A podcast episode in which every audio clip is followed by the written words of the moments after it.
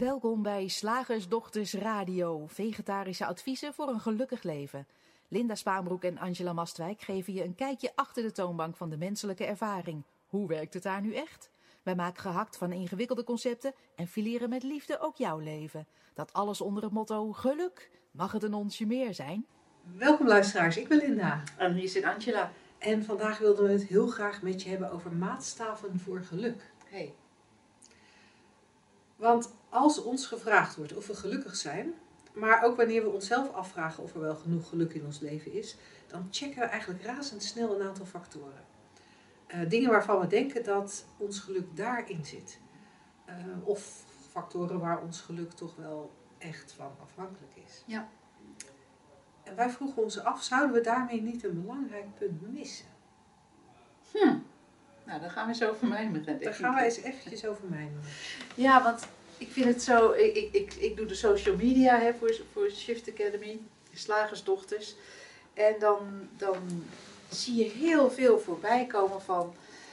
Waar je vroeger die plaatjes had van liefde is. En dan, en dan allerlei dingetjes waar, waar liefde in kon zitten. Of, of wat het zou betekenen.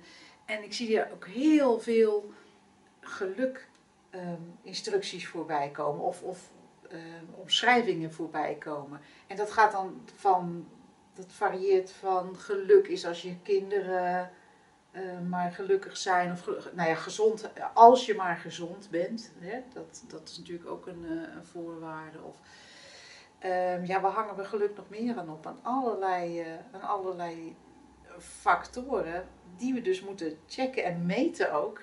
Want dit, deze uitzending heet Maatstaven voor Geluk. Die we ook moeten meten voordat we er een label op kunnen plakken van nou, ik ben wel redelijk gelukkig. Of ik ben echt over de moon super gelukkig. Of uh, tegenwoordig heb je natuurlijk ook de term werkgeluk. Dat, dat is een, mm-hmm. uh, iets, iets waar we steeds meer op focussen. En dan, dan wordt er ook ge, ge, gekeken naar een aantal factoren maar dan speciaal voor op je werk. En dat moet dan ook gemeten worden. En ik vind dat, uh, ik vind dat een interessant gegeven. Ja, en als je het hebt over meten, er is natuurlijk ook de jaarlijkse wereldwijde studie naar geluk. En daar komen wij vaak uit als een van de gelukkigste landen uit naar voren. Uh, wat ik dan altijd heel, heel interessant vind, omdat, en dat komt misschien door het werk wat wij doen, maar omdat, omdat we natuurlijk zoveel mensen spreken die niet gelukkig zijn, omdat we in de krant ook lezen dat het aantal jongeren met depressies uh, toeneemt, dat het aantal depressies sowieso toeneemt, dat de druk op de GGZ groter wordt. Uh, eigenlijk, eigenlijk, lezen wij in de media voortdurend hoe, hoe Nederland eigenlijk minder gelukkig wordt. maar als er dan zo'n test gedaan wordt, dan, dan zijn we ineens wel heel erg gelukkig. En, uh, en, en, heb jij enig idee waar geluk dan volgens dit soort uh, uh, maatstaven of testen van afhangt? Ja, ik denk dat dat dezelfde dingen zijn als die, die, die we net noemden. Hè? Omgevingsfactoren of familiegegevens, omstandigheden, fysieke ehm, aandoeningen of juist de afwezigheid daarvan. Ja. En ook vaak, um, als we het dan toch over meten hebben, dat we, dat we eigenlijk om ons heen kijken en denken van nou, gelukkig heb ik dat niet, of zit ik daar niet, of is dat mij niet overkomen. Dus ja, dan, dan mag ik mij gelukkig prijzen, zeggen we ook. We hebben zoveel leuke uitdrukkingen als het om, geluk gaat. Maar alleen de vraag al, hè, dat vind ik wel interessant. Alleen de vraag al, ben je gelukkig en hoe gelukkig ben je? Is die wel te beantwoorden? Zonder dat, zonder dat we dingen aanwijzen of, of arbitrair gaan meten? Ja, sowieso is dan natuurlijk de vraag, wat is gelukkig zijn? Dat als eerste, ja. Want is gelukkig zijn dan de afwezigheid van minder gewenste ervaringen? Of is gelukkig zijn uh, uh, je de hele tijd, uh, nee, zeg maar de afwezigheid van negatieve gedachten of de ja. afwezigheid van sommige gedachten? is, is gelukkig zijn inderdaad dat je genoeg hebt van qua spullen. Ja. Uh, Ja, dat is grappig, hè? dat we spullen vaak kwantificeren en dan zeggen we van, oh nee, maar geluk zit natuurlijk niet in, eh, in bezit. Hè? Daar zijn we al een beetje overheen. Daar zijn we, al- zijn we, zijn we te spiritueel voor of, of te, nou ja, weet ik veel, niet materialistisch. Ja, en er is natuurlijk altijd al zo'n uitdrukking geweest, in ieder geval altijd al, maar zolang als ik eh, eh, me kan herinneren, eh, geld maakt niet gelukkig. Nee, En tegelijkertijd streven we wel met z'n allen heel erg naar Ja. geld. ja. Of iets anders waarvan we denken dat, eh, dat ons geluk erin zit. Streven we heel erg naar gezondheid? Streven we heel erg naar eh, familiebanden of gezinsgeluk of werkgeluk of weet ik veel? En het, het grappige is natuurlijk dat onze radioshow Geluk in de aanbieding eh, eh, heet. En ik, ik zit zo van, als, ik, als mij om een definitie van geluk zou worden gevraagd, dan zou ik er best eentje kunnen verzinnen. Maar dat, dan blijft het toch arbitrair volgens mij wat we, wat we zeggen. En, en is voor de luisterende mensen misschien juist een uitnodiging om weer te gaan zitten streven naar, naar wat wij zeggen wat, eh, wat geluk is. Misschien is de hele term een beetje, ehm, ja, twijfelachtig. Ja, of misschien is die een beetje, ehm, hoe noem je dat ook weer, zo'n economische term, een beetje gedevalueerd. Oh ja! Een beetje opgebruikt. Er is Ja. zoveel, zoveel gesproken over geluk en geluk is ook een beetje een, het is een nieuw streven geworden. Een nieuw commodity. Ja, Ja. ja, dat is ook mooi om het zo te zeggen. Het is een nieuw massaproduct. En waar, waar, waar onze grootouders streefden naar eten op tafel. En Ja, mijn oma het huis netjes. ja. eh, de kinderen netjes gekleed. Ja, en, en, en vroeger in de geschiedenis misschien gewoon overleven. Maar er zijn misschien mensen die naar ons luisteren die, die nu het idee hebben oh, dat dat ook, ook een, ehm, het, eigenlijk het enige is, eh, nou ja, wat bereikt moet worden als je maar overleeft deze maand of eh, ehm, Ja. deze, ik weet niet, dit tijdperk of deze periode waar we dan allerlei ideeën over hebben. Ja, en, en voor, voor we dan verder gaan, hè, want dan, Ja. ik denk dat als we, als, als we er hier verder over willen kletsen, dat we toch een beetje een, even een, een richtlijn, Ja. dat het handig is om een richtlijn neer te zetten voor wat wij dan onder geluk verstaan. Ja, En als ik voor mezelf kijk, dan, dan zit geluk, associeer ik geluk met een gevoel van het, het is oké. Ja. Of een gevoel van eh, thuis. Eh, en, en dan niet thuis als in mijn fysieke eh, huis van, van bakstenen, maar gewoon het, ja, het, het, ja, het thuis in jezelf of zo. Het- Zodra je er woorden aan gaat geven, wordt het een beetje. krijg, krijg ik ook tegelijkertijd een beetje jeuk van wat er zelf uit mijn mond komt. maar een, een, een tevredenheid is misschien ook wel. Ook een jeukwoord tegelijkertijd, maar er zit iets van tevredenheid in ja. eh, met, met wat is of zo. Ja, er zit in tevredenheid zit het woord vrede. En dat vind ik altijd vind ik, vind ik heel mooi ehm, om, om aan te geven dat, nou ja, wat jij eigenlijk daarna zei, oké zijn met wat is. En dat hoeft niet, dat, hoeft niet dat is niet meetbaar. En dat hoeft ook niet afgemeten te worden. Want dat is voorbij eigenlijk de, de eh, ruimtelijke eenheden of voorbij tijd van ik ben nu al een week gelukkig of ik ben nu al een maand ongelukkig. En ik zou ook willen toevoegen misschien of even, even, even met je meemijmeren over dat, ehm, dat geluk niet, niet ehm, dat het eigenlijk voor mij ook een, een, een besef is van ehm, dat het niet uitmaakt wat er zich afspeelt. En dan bedoel ik eigenlijk de afwezigheid van, van verzet tegen wat zich aandient. Dat is een andere manier om te zeggen wat jij ook zei, dat je oké bent met wat er is. Dus je kan ook dat, dat geluk eh, kan een besef zijn midden in, eh, midden in de angst. Of midden in verdriet. Of midden in, ja, wat kunnen we als mensen nog meer voor gezellige dingen eh, beleven. En een soort, wat mij betreft is het een, eh, een permanente factor. En niet iets wat, wat, ergens in zit of wat je überhaupt kan meten. Of, of eh, wat hè, aan het eind van de regenboog ligt of wat ehm, ondergesneeuwd kan raken of weet ik veel. Voor mij is het meer een, een permanente factor.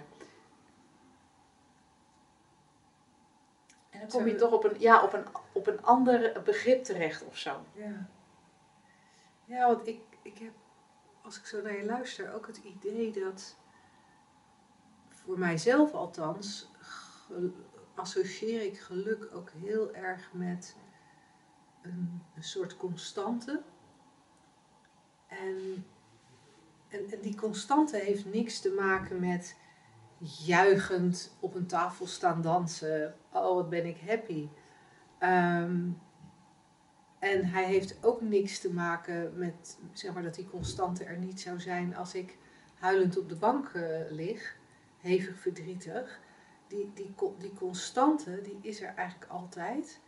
En daar een gevoel voor hebben, dat er altijd een soort stilte of constante is die onbeschadigbaar is, die onveranderbaar is. Dat, weet je, wat er ook gebeurt, die constante, die stilte is er.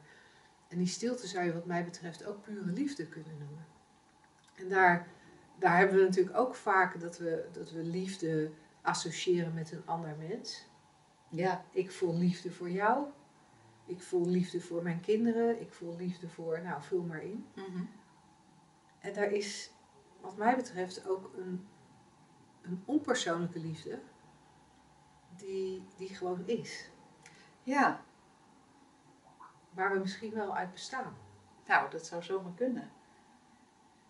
En, en daar zit voor mij een, een grote associatie met, met, met echt geluk. Want wat we natuurlijk vaak als geluk bestempelen, is, is ook zo'n eigenlijk zo'n tijdelijk gevoel als iets, als iets bereikt is. Ja. Eh, het, ik, ik weet nog, ik heb ooit een, een award gewonnen voor ZZP onderneemster van het jaar. En, en dat was dan, dat was in dat moment heel cool. Ja. Ik hield die award vast, ik stond op het podium. eh, Dat, dat, dat, nou ja, dat, was, dat was cool. En dan ben je even heel blij met dat ding wat je hebt gekregen. Ja, ja. Terwijl natuurlijk in feite was het gewoon een glazen stuk glas. Eh, maar maar daar, daar ben je dan Maar- even heel blij mee. ja er zit een heel idee omheen natuurlijk. Ja. Hè, En dat is natuurlijk wat je blij maakt, niet dat stuk glas. Nee, dat is, dat is ook zo natuurlijk. Alle betekenis die we eraan geven, ja. Maar inderdaad, dan geef je heel veel betekenis aan het stuk glas wat je in je handen gedrukt krijgt. En de mensen om je heen geven daar ook veel betekenis aan. Eh, tot op de dag van vandaag word ik nog wel eens aangekondigd als degene die de award heeft gewonnen. Dan denk ik, oh, dat is grappig dat negen jaar na dato daar nog steeds zoveel betekenis eh aangegeven wordt. Aan dat stuk glas. En, en, en dat is dan even zo'n ja, zo'n opleving van enthousiasme of zo. Of een opleving van, van betekenis geven aan dingen. Ja, ja en ook misschien even, even een, een break van het streven ergens naar. Of het strijden ergens tegen. Oeh, die is En mooi. Ja, is wij, mooi. wij, hebben Oh. zo- wij hebben natuurlijk zo'n mooie alliteratie van st- strijden en streven. Ehm, want, want dat is volgens mij al, eh, bij, bij elke aanschaf waarvan je denkt dat het je gelukkig maakt, die nieuwe sportauto. Bij eh, een nieuwe relatie, weet ik veel. Bij wat dan ook. Bij het. ehm, wat, wat maakt ons bij eh, eh, het winnen van de lotto? Bij Het nou ja, krijgen van een kind. het krijgen van Het sluiten kind. van een huwelijk. Ja, het, het, eh, het wat dan ook het gezond verklaard zijn. Hè? Van de dokter bericht krijgen van je bent lang ziek geweest en nu ben je gezond. Hè? Dat is ook zo, zoiets. Ik, ik, ik ben even op zoek naar, naar een tegenhanger voor, voor eh, materialistische dingen. Omdat ik denk dat heel veel luisteraars bij ons denken van ja, nee, maar ik weet wel dat ik dat een sportwagen niet gelukkig maakt. Ehm, maar ook gezondheid of, of zelfs ook je, oh, je kind die wat weer gezond eh, is verklaard. Of een kind dat lekker in zijn vel zit. En ja, wat, wat heel lang gestruggeld heeft en dat nu weer, ik weet niet, vrolijk, nou ja, wel naar school gaat of, een, of eindelijk dat diploma heeft of een baan gevonden of jij zelf een baan gevonden of wat dan ook. Zo'n punt komt er Van yes, oh, hè, fijn. En dan is er even die rust, heel even soms, en soms duurt het een week, eh, dat er niet ergens naar gestreefd hoeft te worden, niet naar een resultaat. En er hoeft ook niet gestreden te worden tegen, tegen wat er is. En in de afwezigheid daarvan komt die, eigenlijk die constante bloot te liggen waar jij het eh, net over had. Die nergens in zit, maar er altijd is. Alleen ja, wij streven maar naar iets anders dan er is. En we strijden maar tegen wat er zich aandient, wat we dan niet willen. Nee, en, en wat we daarbij over het hoofd zien, is dat de menselijke ervaring uh, inside-out werkt en niet outside-in. Precies. En we zijn op de een of andere manier opgevoed met het idee dat er dingen buiten ons zijn die ons gelukkig maken. Ja. En, en in werkelijkheid werkt het precies andersom. Het is nooit dat daarbuiten wat ons gelukkig maakt. Het is altijd de ervaring hier binnen. En die ervaring is eigenlijk, eigenlijk staat die helemaal los van dat ding daarbuiten. Ja. Je, je, je, je kunt een, een, een, uh, een, een, bak, een bak sushi neerzetten en iemand kan, kan die, die bak sushi die daar buiten staat zien staan en een gelukzalig gevoel krijgen dat hij het op mag eten. Ik zie die bak sushi staan en ik, ik moet mezelf bedwingen om, uh, om daar niet een beetje misselijk van te worden. En dus, dus die sushi die doet, die doet het niet. Het is, Nee. het is echt de ervaring hier aan deze kant. Ja. Hier van binnen vorm, ja, wordt een ervaring gecreëerd. Denken en bewustzijn vormen een ervaring. En, en dat, maakt, dat maakt de betekenis van de bak sushi in dit geval. Maar dat geldt natuurlijk voor, voor alles. Dat, dat zegt iets over de betekenis van een relatie bijvoorbeeld. Ja. Ik herinner me nog dat wij een, een, eh, een eh, jaren terug een driedaagse hadden. En dat ik een aantal keren voorbeelden had gegeven over. eh, weet eigenlijk niet of ik toen een relatie had of niet, maar in ieder geval over het feit dat ik vrij veel gedachten eh, kan en kon hebben over relaties, of een, Ja. een liefdesrelatie. En, eh, en, en dat, dat het er voor mij toen uitzag alsof een liefdesrelatie echt wel invloed had op hoe ik mij voelde. en eh, ergens wel weten dat het niet waar was, maar goed, het speelde wel steeds. En dat er iemand zat en die begreep er niks van. Die begreep helemaal niet wat een relatie nou te maken had met hoe je je voelt. Ja. Zij was getrouwd, dus ze had er één. Ja. Maar dat dat iets te maken had met hoe zij zich voelde, daar, daar kon ze helemaal niks mee. Dus ze vond het eigenlijk een heel raar voorbeeld van mij. En toen, ergens in de loop van die drie dagen, herkende zij dat zij heel veel gedachten had over, over haar figuur en met name de omvang van haar billen. En dat ze, eh, eh, toen, toen realiseerde ze zich, oh, wat jij, wat jij hebt met relaties, dat doe ik met, met mijn billen. Ik denk er de hele tijd over na. Ja. En die lijken, die lijken te bepalen hoe ik mij voel. Ja. En, ehm, ja, en, en ik, vind dat, ik, vond dat, ik vind en vond dat zo'n mooi voorbeeld van hoe, hoe wat we kiezen, eigenlijk daarbuiten, waar ons geluk van afhangt, of waarvan we denken dat het, dat het, dat het iets te maken heeft met hoe we ons voelen, het is altijd een misverstand. Want het is nooit, nooit dat ding daarbuiten. Of het nou iets concreets is als een paar billen dat je nog zou kunnen meten qua omvang. Of het is iets, iets minder niet concreets als een, een liefdesrelatie. Beide bevinden zich daarbuiten. Ja. En de ervaring ervan wordt helemaal hier aan deze kant gecreëerd. En die is bepalend voor wat we voelen. Nooit het ding zelf. En het geluk waar wij graag naar wijzen, is dat permanente daar weer, daar weer achter, waar je altijd maar. Wat helemaal los staat Ja, van alles. Omdat het er altijd is. ja, helemaal, helemaal los staat van alles aan de ene kant. En aan de andere kant er altijd is. Dus Ja. nergens los van staat. ja dat, is een, eh, dat is inderdaad een interessante paradox. Want het, het, het gaat nergens heen. Het is, het, is, het is altijd in je, bij je. Ja, je kan het niet eens goed omschrijven, omdat het buiten, buiten tijd en ruimte is en buiten materie is. Dus ook niet aan je lijf of zo vastzitten van, oh ja, innerlijk geluk voel je, ik weet niet, bij je hart of, of weet ik veel.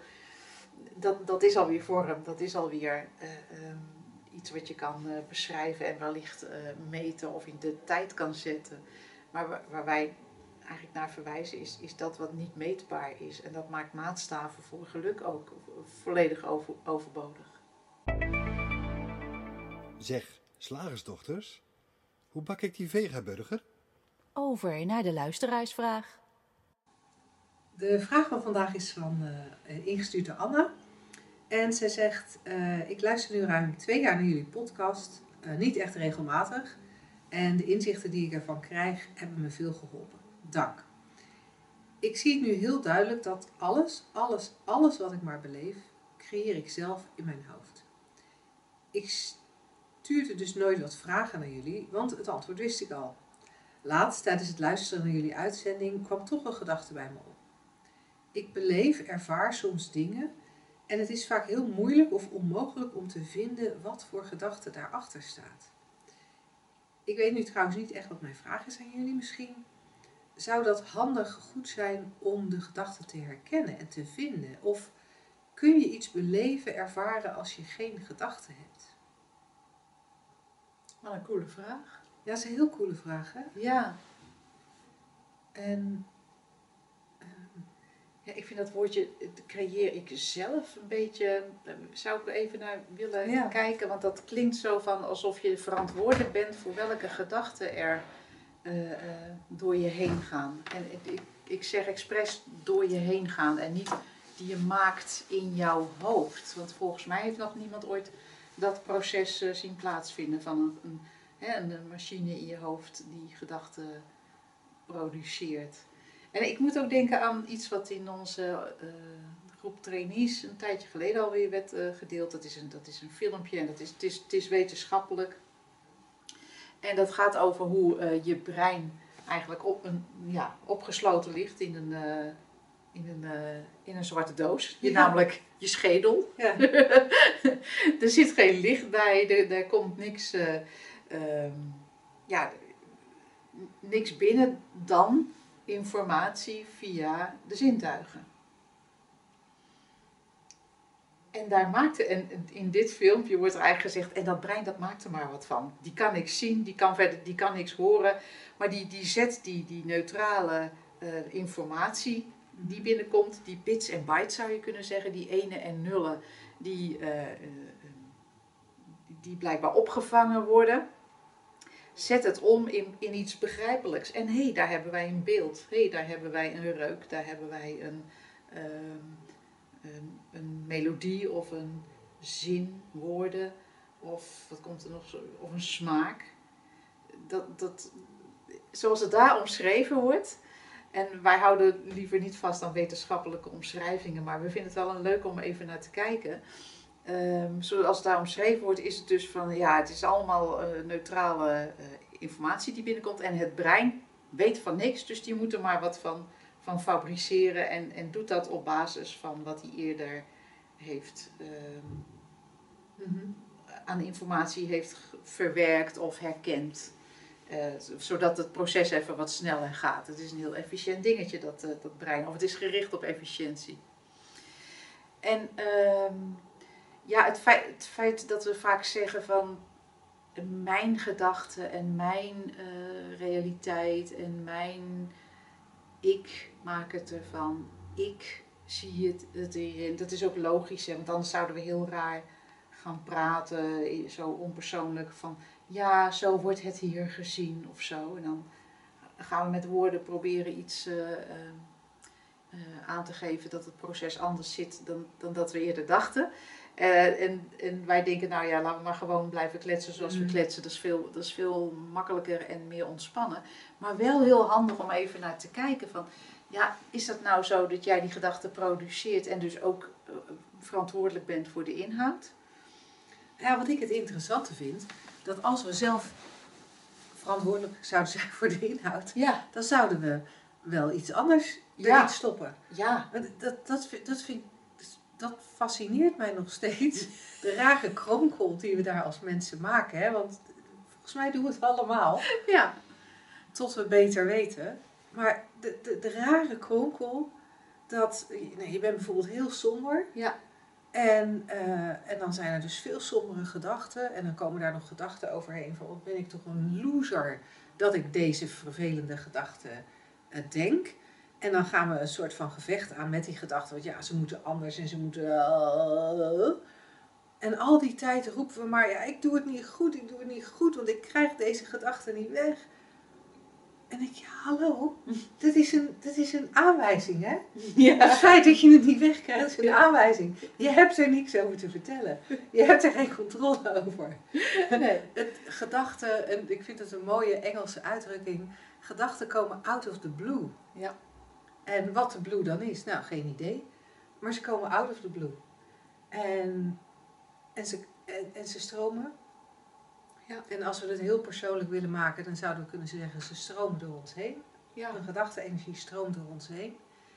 En, en die drie principes werken nou eenmaal zo dat het bewustzijn die gedachte van geur, kleur en smaak voorziet. En wat ik dan ook wel eens, hoe ik het ook wel fijn vind om het te formuleren, is dat het bewustzijn maakt eigenlijk, doet een trucje waardoor die gedachte echt lijkt. Ja.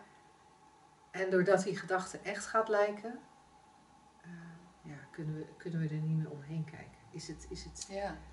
is het alsof je een bord voor je kop hebt? Ja. Want, want dan, en dan herken je ook niet dat, dat je tegen veranderende gedachte-energie aan zit te kijken. En denk je dat je tegen iets echts aan zit te kijken. Maar dat wij invloed zouden hebben op, op het denken is, is echt een rare gedachtekronkel. Want nogmaals, Waar komt die dan vandaan? ja, waar komt die dan Waar vandaan? komt die gedachte nou ja, dan dus ook vandaan? out of the blue. Ook out of the blue. Dus daar hoeven we dan gelukkig ook weer niet tegen te vechten. Nee. Maar voor mij maakt het wel heel veel verschil dat, dat Linda niet verantwoordelijk is voor de gedachten die opkomen. Nee. En alleen het herkennen van het systeem maakt het al een stuk neutraler. Ja. Net zoals je het omschrijft, het is eigenlijk heel neutraal. En dat, het, het brein geeft er wel continu betekenis aan. Nogmaals, gebaseerd op wat het denkt te herkennen. Want als we bijvoorbeeld eh, eh, zeggen van... Ik weet niet, er komt een gedachte op. Morgen moet ik naar de tandarts. Echt volstrekt neutraal, het staat in je agenda. En out of the blue word je daar even aan, aan herinnerd. Maar heeft jouw brein besloten van... Oh, maar de tandarts, dat is hartstikke eng. En morgen al. En oh, weet ik veel. Dan komt daar door dat bewustzijn een hele lading toestanden, eh, sensaties bij. Ehm, eh, maar het is van zichzelf neutraal. Zo kan je op de bank zitten en denken, nou, ik stel dus echt niks voor. Volkomen neutrale gedachten. Maar heb je, is er ooit een persoonlijk dingetje, persoonlijk bedacht, heeft, het, heeft dat brein ehm, ehm, besloten dat niks voorstellen? Maar dat kan niet in deze maatschappij, in mijn familie, ehm, in mijn, mijn omgeving, in mijn leven. Ja. En, en misschien nog gedachten als, dan wil er niemand bij mij zijn. Ja, dat is dan ben ik slecht. altijd alleen. Ook slecht. Zie je Ja. dus, dus dat alleen maar het- door het feit dat we menen iets te herkennen, dat doet het brein, daar kan het verder ook niks aan doen. En daar eh, lading aan geeft, is er ineens, lijkt er een probleem te zijn. Ja. Nou ja, en, en om dan terug te komen op, op een van Anna's vragen van, is het dan interessant om te weten welke gedachte het is? Eigenlijk eh, kan ik me voorstellen dat je al hoort uit hoe we erover praten, dat dat eigenlijk helemaal niet interessant is. Ehm, want ja, dan, dan weet je welke gedachten het zijn, maar daarmee gaan ze niet weg, daarmee zien ze er niet minder echt uit. Eh, dus vaak maakt, dat, vaak maakt dat niks uit. Dus het, het, soms kan het, soms, soms door inzicht kan er wel eens ineens opploppen. Oh, maar dat Oh. geloof ik. Ja, nou ja, geinig. Ja, Ja, maar wat veel, behulp, veel behulpzamer blijkt te zijn, is om te kijken hoe dat systeem werkt. Ja. En dat is natuurlijk ook waarom wij steeds maar weer opnieuw proberen uit te leggen hoe dat systeem werkt. En hoe het systeem werkt, is dat er denken is. Out of the blue. Er is bewustzijn. Out of the blue. En, en we leven. Out of the blue. en en die, die drie dingen, die universele levensenergie, de kracht van het denken en, en het universele bewustzijn, die, die creëren samen een ervaring. En een ervaring die, die dan voor, voor mij voelt als Linda's ervaring, Linda's gedachte, Linda's leven. En die aan de kant van Angela voelt als Angela's gedachte, Angela's leven, Angela's ervaring. Ja, ja. Maar in feite, in feite komt het uit een grote pool van neutraliteit. ja, gewoon uit het feit dat denken bestaat. Ja. Ja, en ik vind ook, dat is het enige wat, wat, wat herkend hoeft te worden. Het is ook zoveel fundamenteler dan, dan specifiek een bepaalde gedachte eh, proberen eh, ehm, helder te krijgen. Of, oh, nou ja, deze is het. Bijvoorbeeld de gedachte, ik noem maar wat, zo'n algemeen bekende. Ik ben niet goed genoeg. Blijkbaar is dat een soort eh, virusgedachte die iedereen dan oppikt. Zeg tegen een, een, een, een zes maanden oude baby, je bent niet goed genoeg. En daar zit toch niks in dat brein wat dat herkent als, oh, dat mag niet. Dus, dus dat gaat er gewoon ja, doorheen. Ehm, en, en dan gaan we, zijn we geneigd in, in heel veel soorten therapie eh, en, en andere stromingen om daaraan te gaan werken.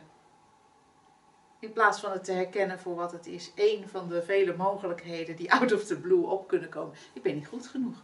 Oh, ik ben wel goed genoeg. Ik heb trek in spruitjes. Want dat vind ik zo leuk. Ja. Ik heb trek in spruitjes is van, heeft dezelfde waarde als ik ben niet goed genoeg. Ja. Het wordt anders geanimeerd door het bewustzijn, Ja. waardoor het gevoel anders is. en, en, en waardoor we geneigd zijn, ik heb trek in spruitjes, nou ja, te laten voor wat het is. En Ja. ik ben niet goed genoeg om daar eens even lekker ons druk over te maken of mee aan de slag te gaan. Of te Ja. vinden dat die gedachte er niet mag zijn. Ja. Maar zodra je gaat herkennen, ik heb trek in spruitjes, ik ben niet goed genoeg. Ik eet liever chocola. Eh, eh, ik ben. eh, ik doe er niet toe. Ja. Z- Hetzelfde. Ja. Grappig hè? Het heeft hooguit een wat, wat ander biochemisch effect in het lichaam. Ja. Trek in spruitjes of chocola is misschien een beetje, een beetje speeksel in de mond. Oeh, lekker! Ja. En de eventuele actie zou kunnen zijn op naar de supermarkt. En die ik ben niet goed genoeg heeft waarschijnlijk een biochemische reactie. waarom ik, waarom dit leven en waarom, oh, en, en, en ik weet dat het niet waar is, maar het is me zo ingepeperd en waarom geloof ik dat nu nog steeds? ja. En de actie zou kunnen zijn, doe mij een psycholoog of een spirituele healer. En waarom geloof je het nog steeds?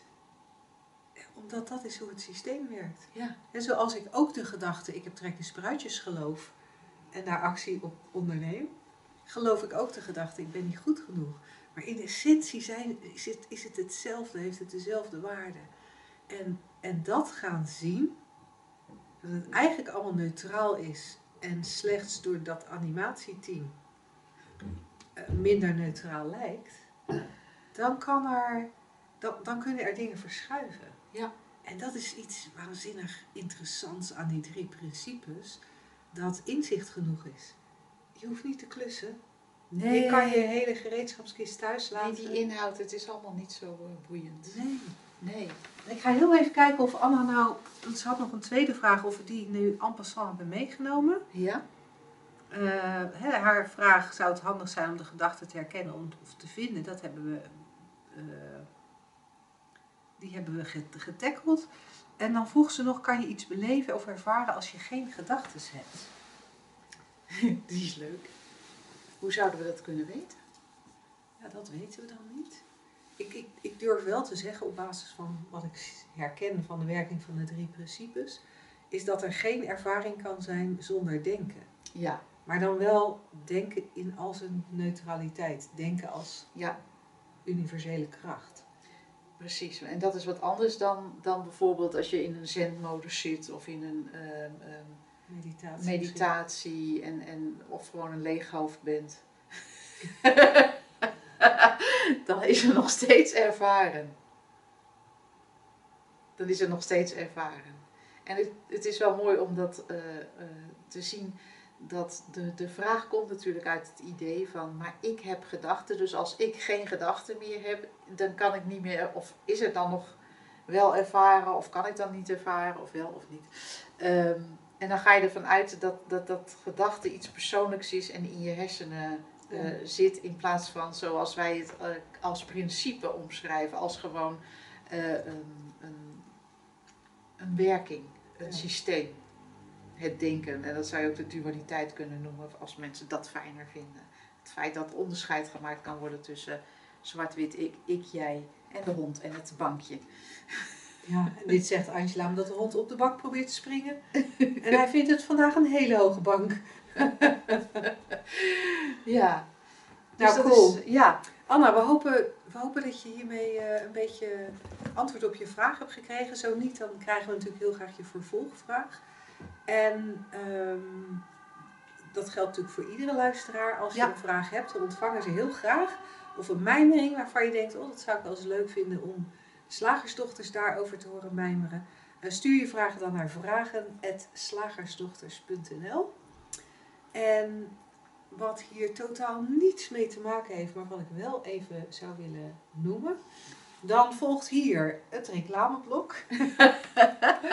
ik realiseerde me, nee, het is, eh, het is vandaag 8 juli en we hebben op 11 juli eh, weer een online workshop. Het is de laatste, nou ja, het laatste ding dat wij doen voor de zomervakantie. Dan, eh, de radioshows lopen nog door tot, tot en met eind juli en dan in augustus zijn we even helemaal uit de lucht.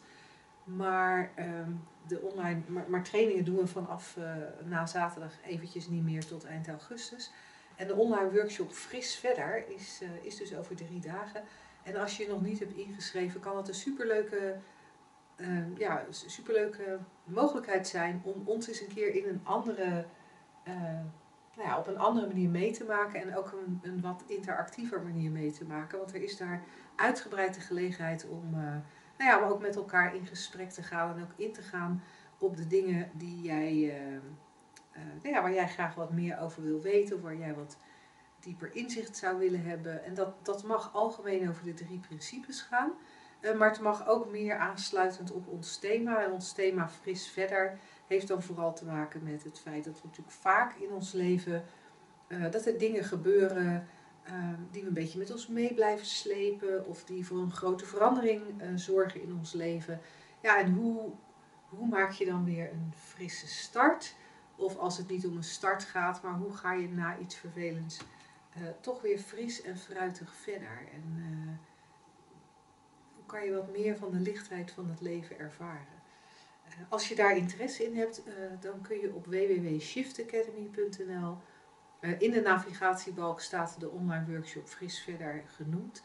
En eh, eh, we vragen 19 euro daarvoor, dus het is ook niet een enorm eh, groot bedrag voor de meeste van ons. Dus wie weet eh, is het iets voor je. En eh, dan ontmoeten we je heel graag zaterdag eh, online. leuk.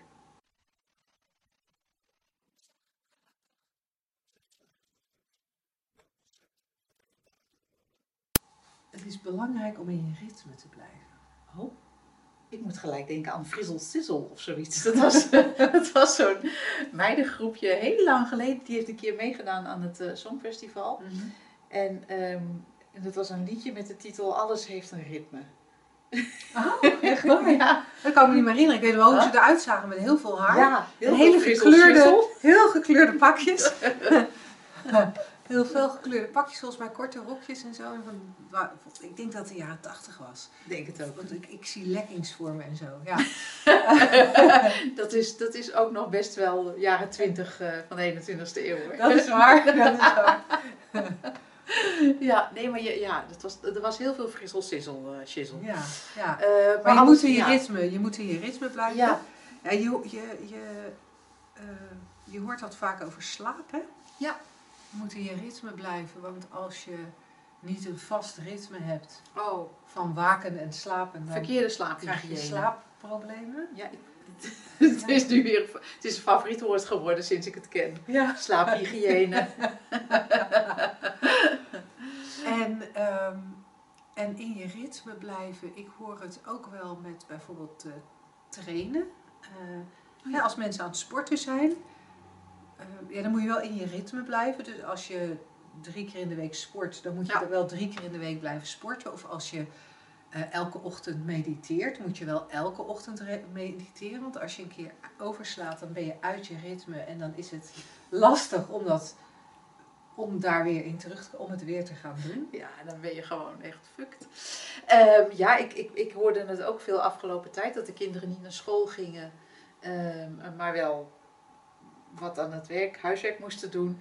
En dan was het ook belangrijk om in een ritme te, te komen of te blijven. Van wel op tijd op en, en in het weekend dan wat later of zo. Dat je nog wel een idee had van, oh ja, maar dit zijn de schooldagen en dit zijn de vrije dagen. Hé, hey, maar is, wat in mij opkomt, en ik weet niet of het waar is hoor, maar op deze manier klinkt het bijna alsof in je ritme blijven belangrijk is, omdat het gaat om dingen die je eigenlijk niet zo leuk vindt. Maar je moet, je moet, je moet Ja. ja, als je jezelf niet elke dag dwingt om het te doen, dan gebeurt het niet meer of zo. Of zie ik dat hè? verkeerd? Ja, nou zo klinkt het wel. En ik heb nog nooit volgens mij een vogel tegen een andere vogel zitten zien horen zeggen, horen, horen kwetteren. Van eh, zeg, ehm, we moeten ons wel weer opmaken voor eh, de trek naar het zuiden. Want je moet natuurlijk wel in je ritme blijven. Ja. Eigenlijk is in je ritme blijven alleen maar handig als je muzikant bent, omdat het anders een kakofonie wordt van ellende als iedereen een ander ritme speelt in zo'n Ja. orkest. Ja. ja, dat is grappig wat je, wat je opmerkt. Dat het alleen is wat, wat opgelegd moet worden. Er zit natuurlijk ook in dit concept het woord moet. Je moet in je ritme blijven. Terwijl ik denk, als iets een ritme is, dan, zou je, dan wil je er niet eens uit. Dus waarom, zou je, is, waar- waarom is dit zo'n goed advies? Of waarom is dit een, een, een, eh, een, een cool concept? Stel dat dat, is- er een natuurlijk ja. ritme is, dan wil je daar helemaal niet uit. Dan gaat dat vanzelf. Ja. Of dan- dan- eigenlijk moet ik zeggen, dan gaat dat vanzelf. En is er niet iemand die zegt van je moet wel in je ritme blijven. Zoals met ademhalen. Linda, je moet wel in je ja, ritme nou ja. blijven. daar zeg je wat, maar er zijn ook best wel veel ademtherapeuten. Dat is waar. Ja, die misschien een bepaald ritme opleggen. En als je het hebt over je hart, dan wil je ook Ja. graag dat je hart in zijn ritme blijft. Ja, alleen dat vind ik wel een heel mooi voorbeeld. Want als we daarnaar kijken, hè, je wil dat je hart in zijn, in zijn ritme blijft. Nou, dat lijkt me inderdaad een soort goed idee. Maar als we dan zeggen, mijn hart moet wel in zijn ritme blijven, dan hebben we het idee dat dat een vast ritme is. Terwijl volgens mij is, is, een, is het een heel natuurlijk gegeven dat als ik ineens hard ga lopen, dat mijn hart wat sneller gaat Ja, kloppen. En dat is een heel goed idee van dat hart. Ja. Dat hoeft niemand hem te vertellen, want dat gebeurt gewoon. Ja. En ook als, als ik in groot gevaar even verkeer, omdat er een trein op me afstormt of een, of een leeuw, iets minder voor de hand liggend, maar of een, of een leeuw op mij af eh, rent, dat mijn hart even sneller gaat kloppen, is dan al een gevolg van het feit dat er een adrenalinestoot komt. Nogmaals weer super handig. We krijgen even een ander ritme, wat mijn lichaam in staat stelt om heel snel te handelen, even, even net Ja. iets harder te rennen. En dan lukt dat of niet. Ja. Ehm, dus als we zeggen in een ritme blijven is, wat jij al zei, het is opgelegd. Het is blijkbaar niet iets wat vanzelf komt, want waarom zou het anders gedwongen moeten zijn? En niet iets wat we willen, want anders hoeven we het niet op te leggen.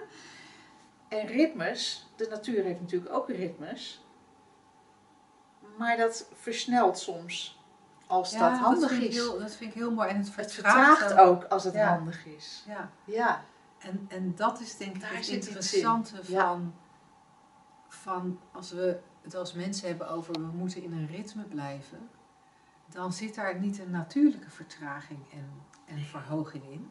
nee. Want dan, dan is er een idee over één vast patroon. En dat vaste patroon moet koet vastgehouden worden, want anders gaan er dingen mis. Ja, En wat er misgaat, dat hangt dan natuurlijk een beetje af van het ding waar, waar we naar kijken.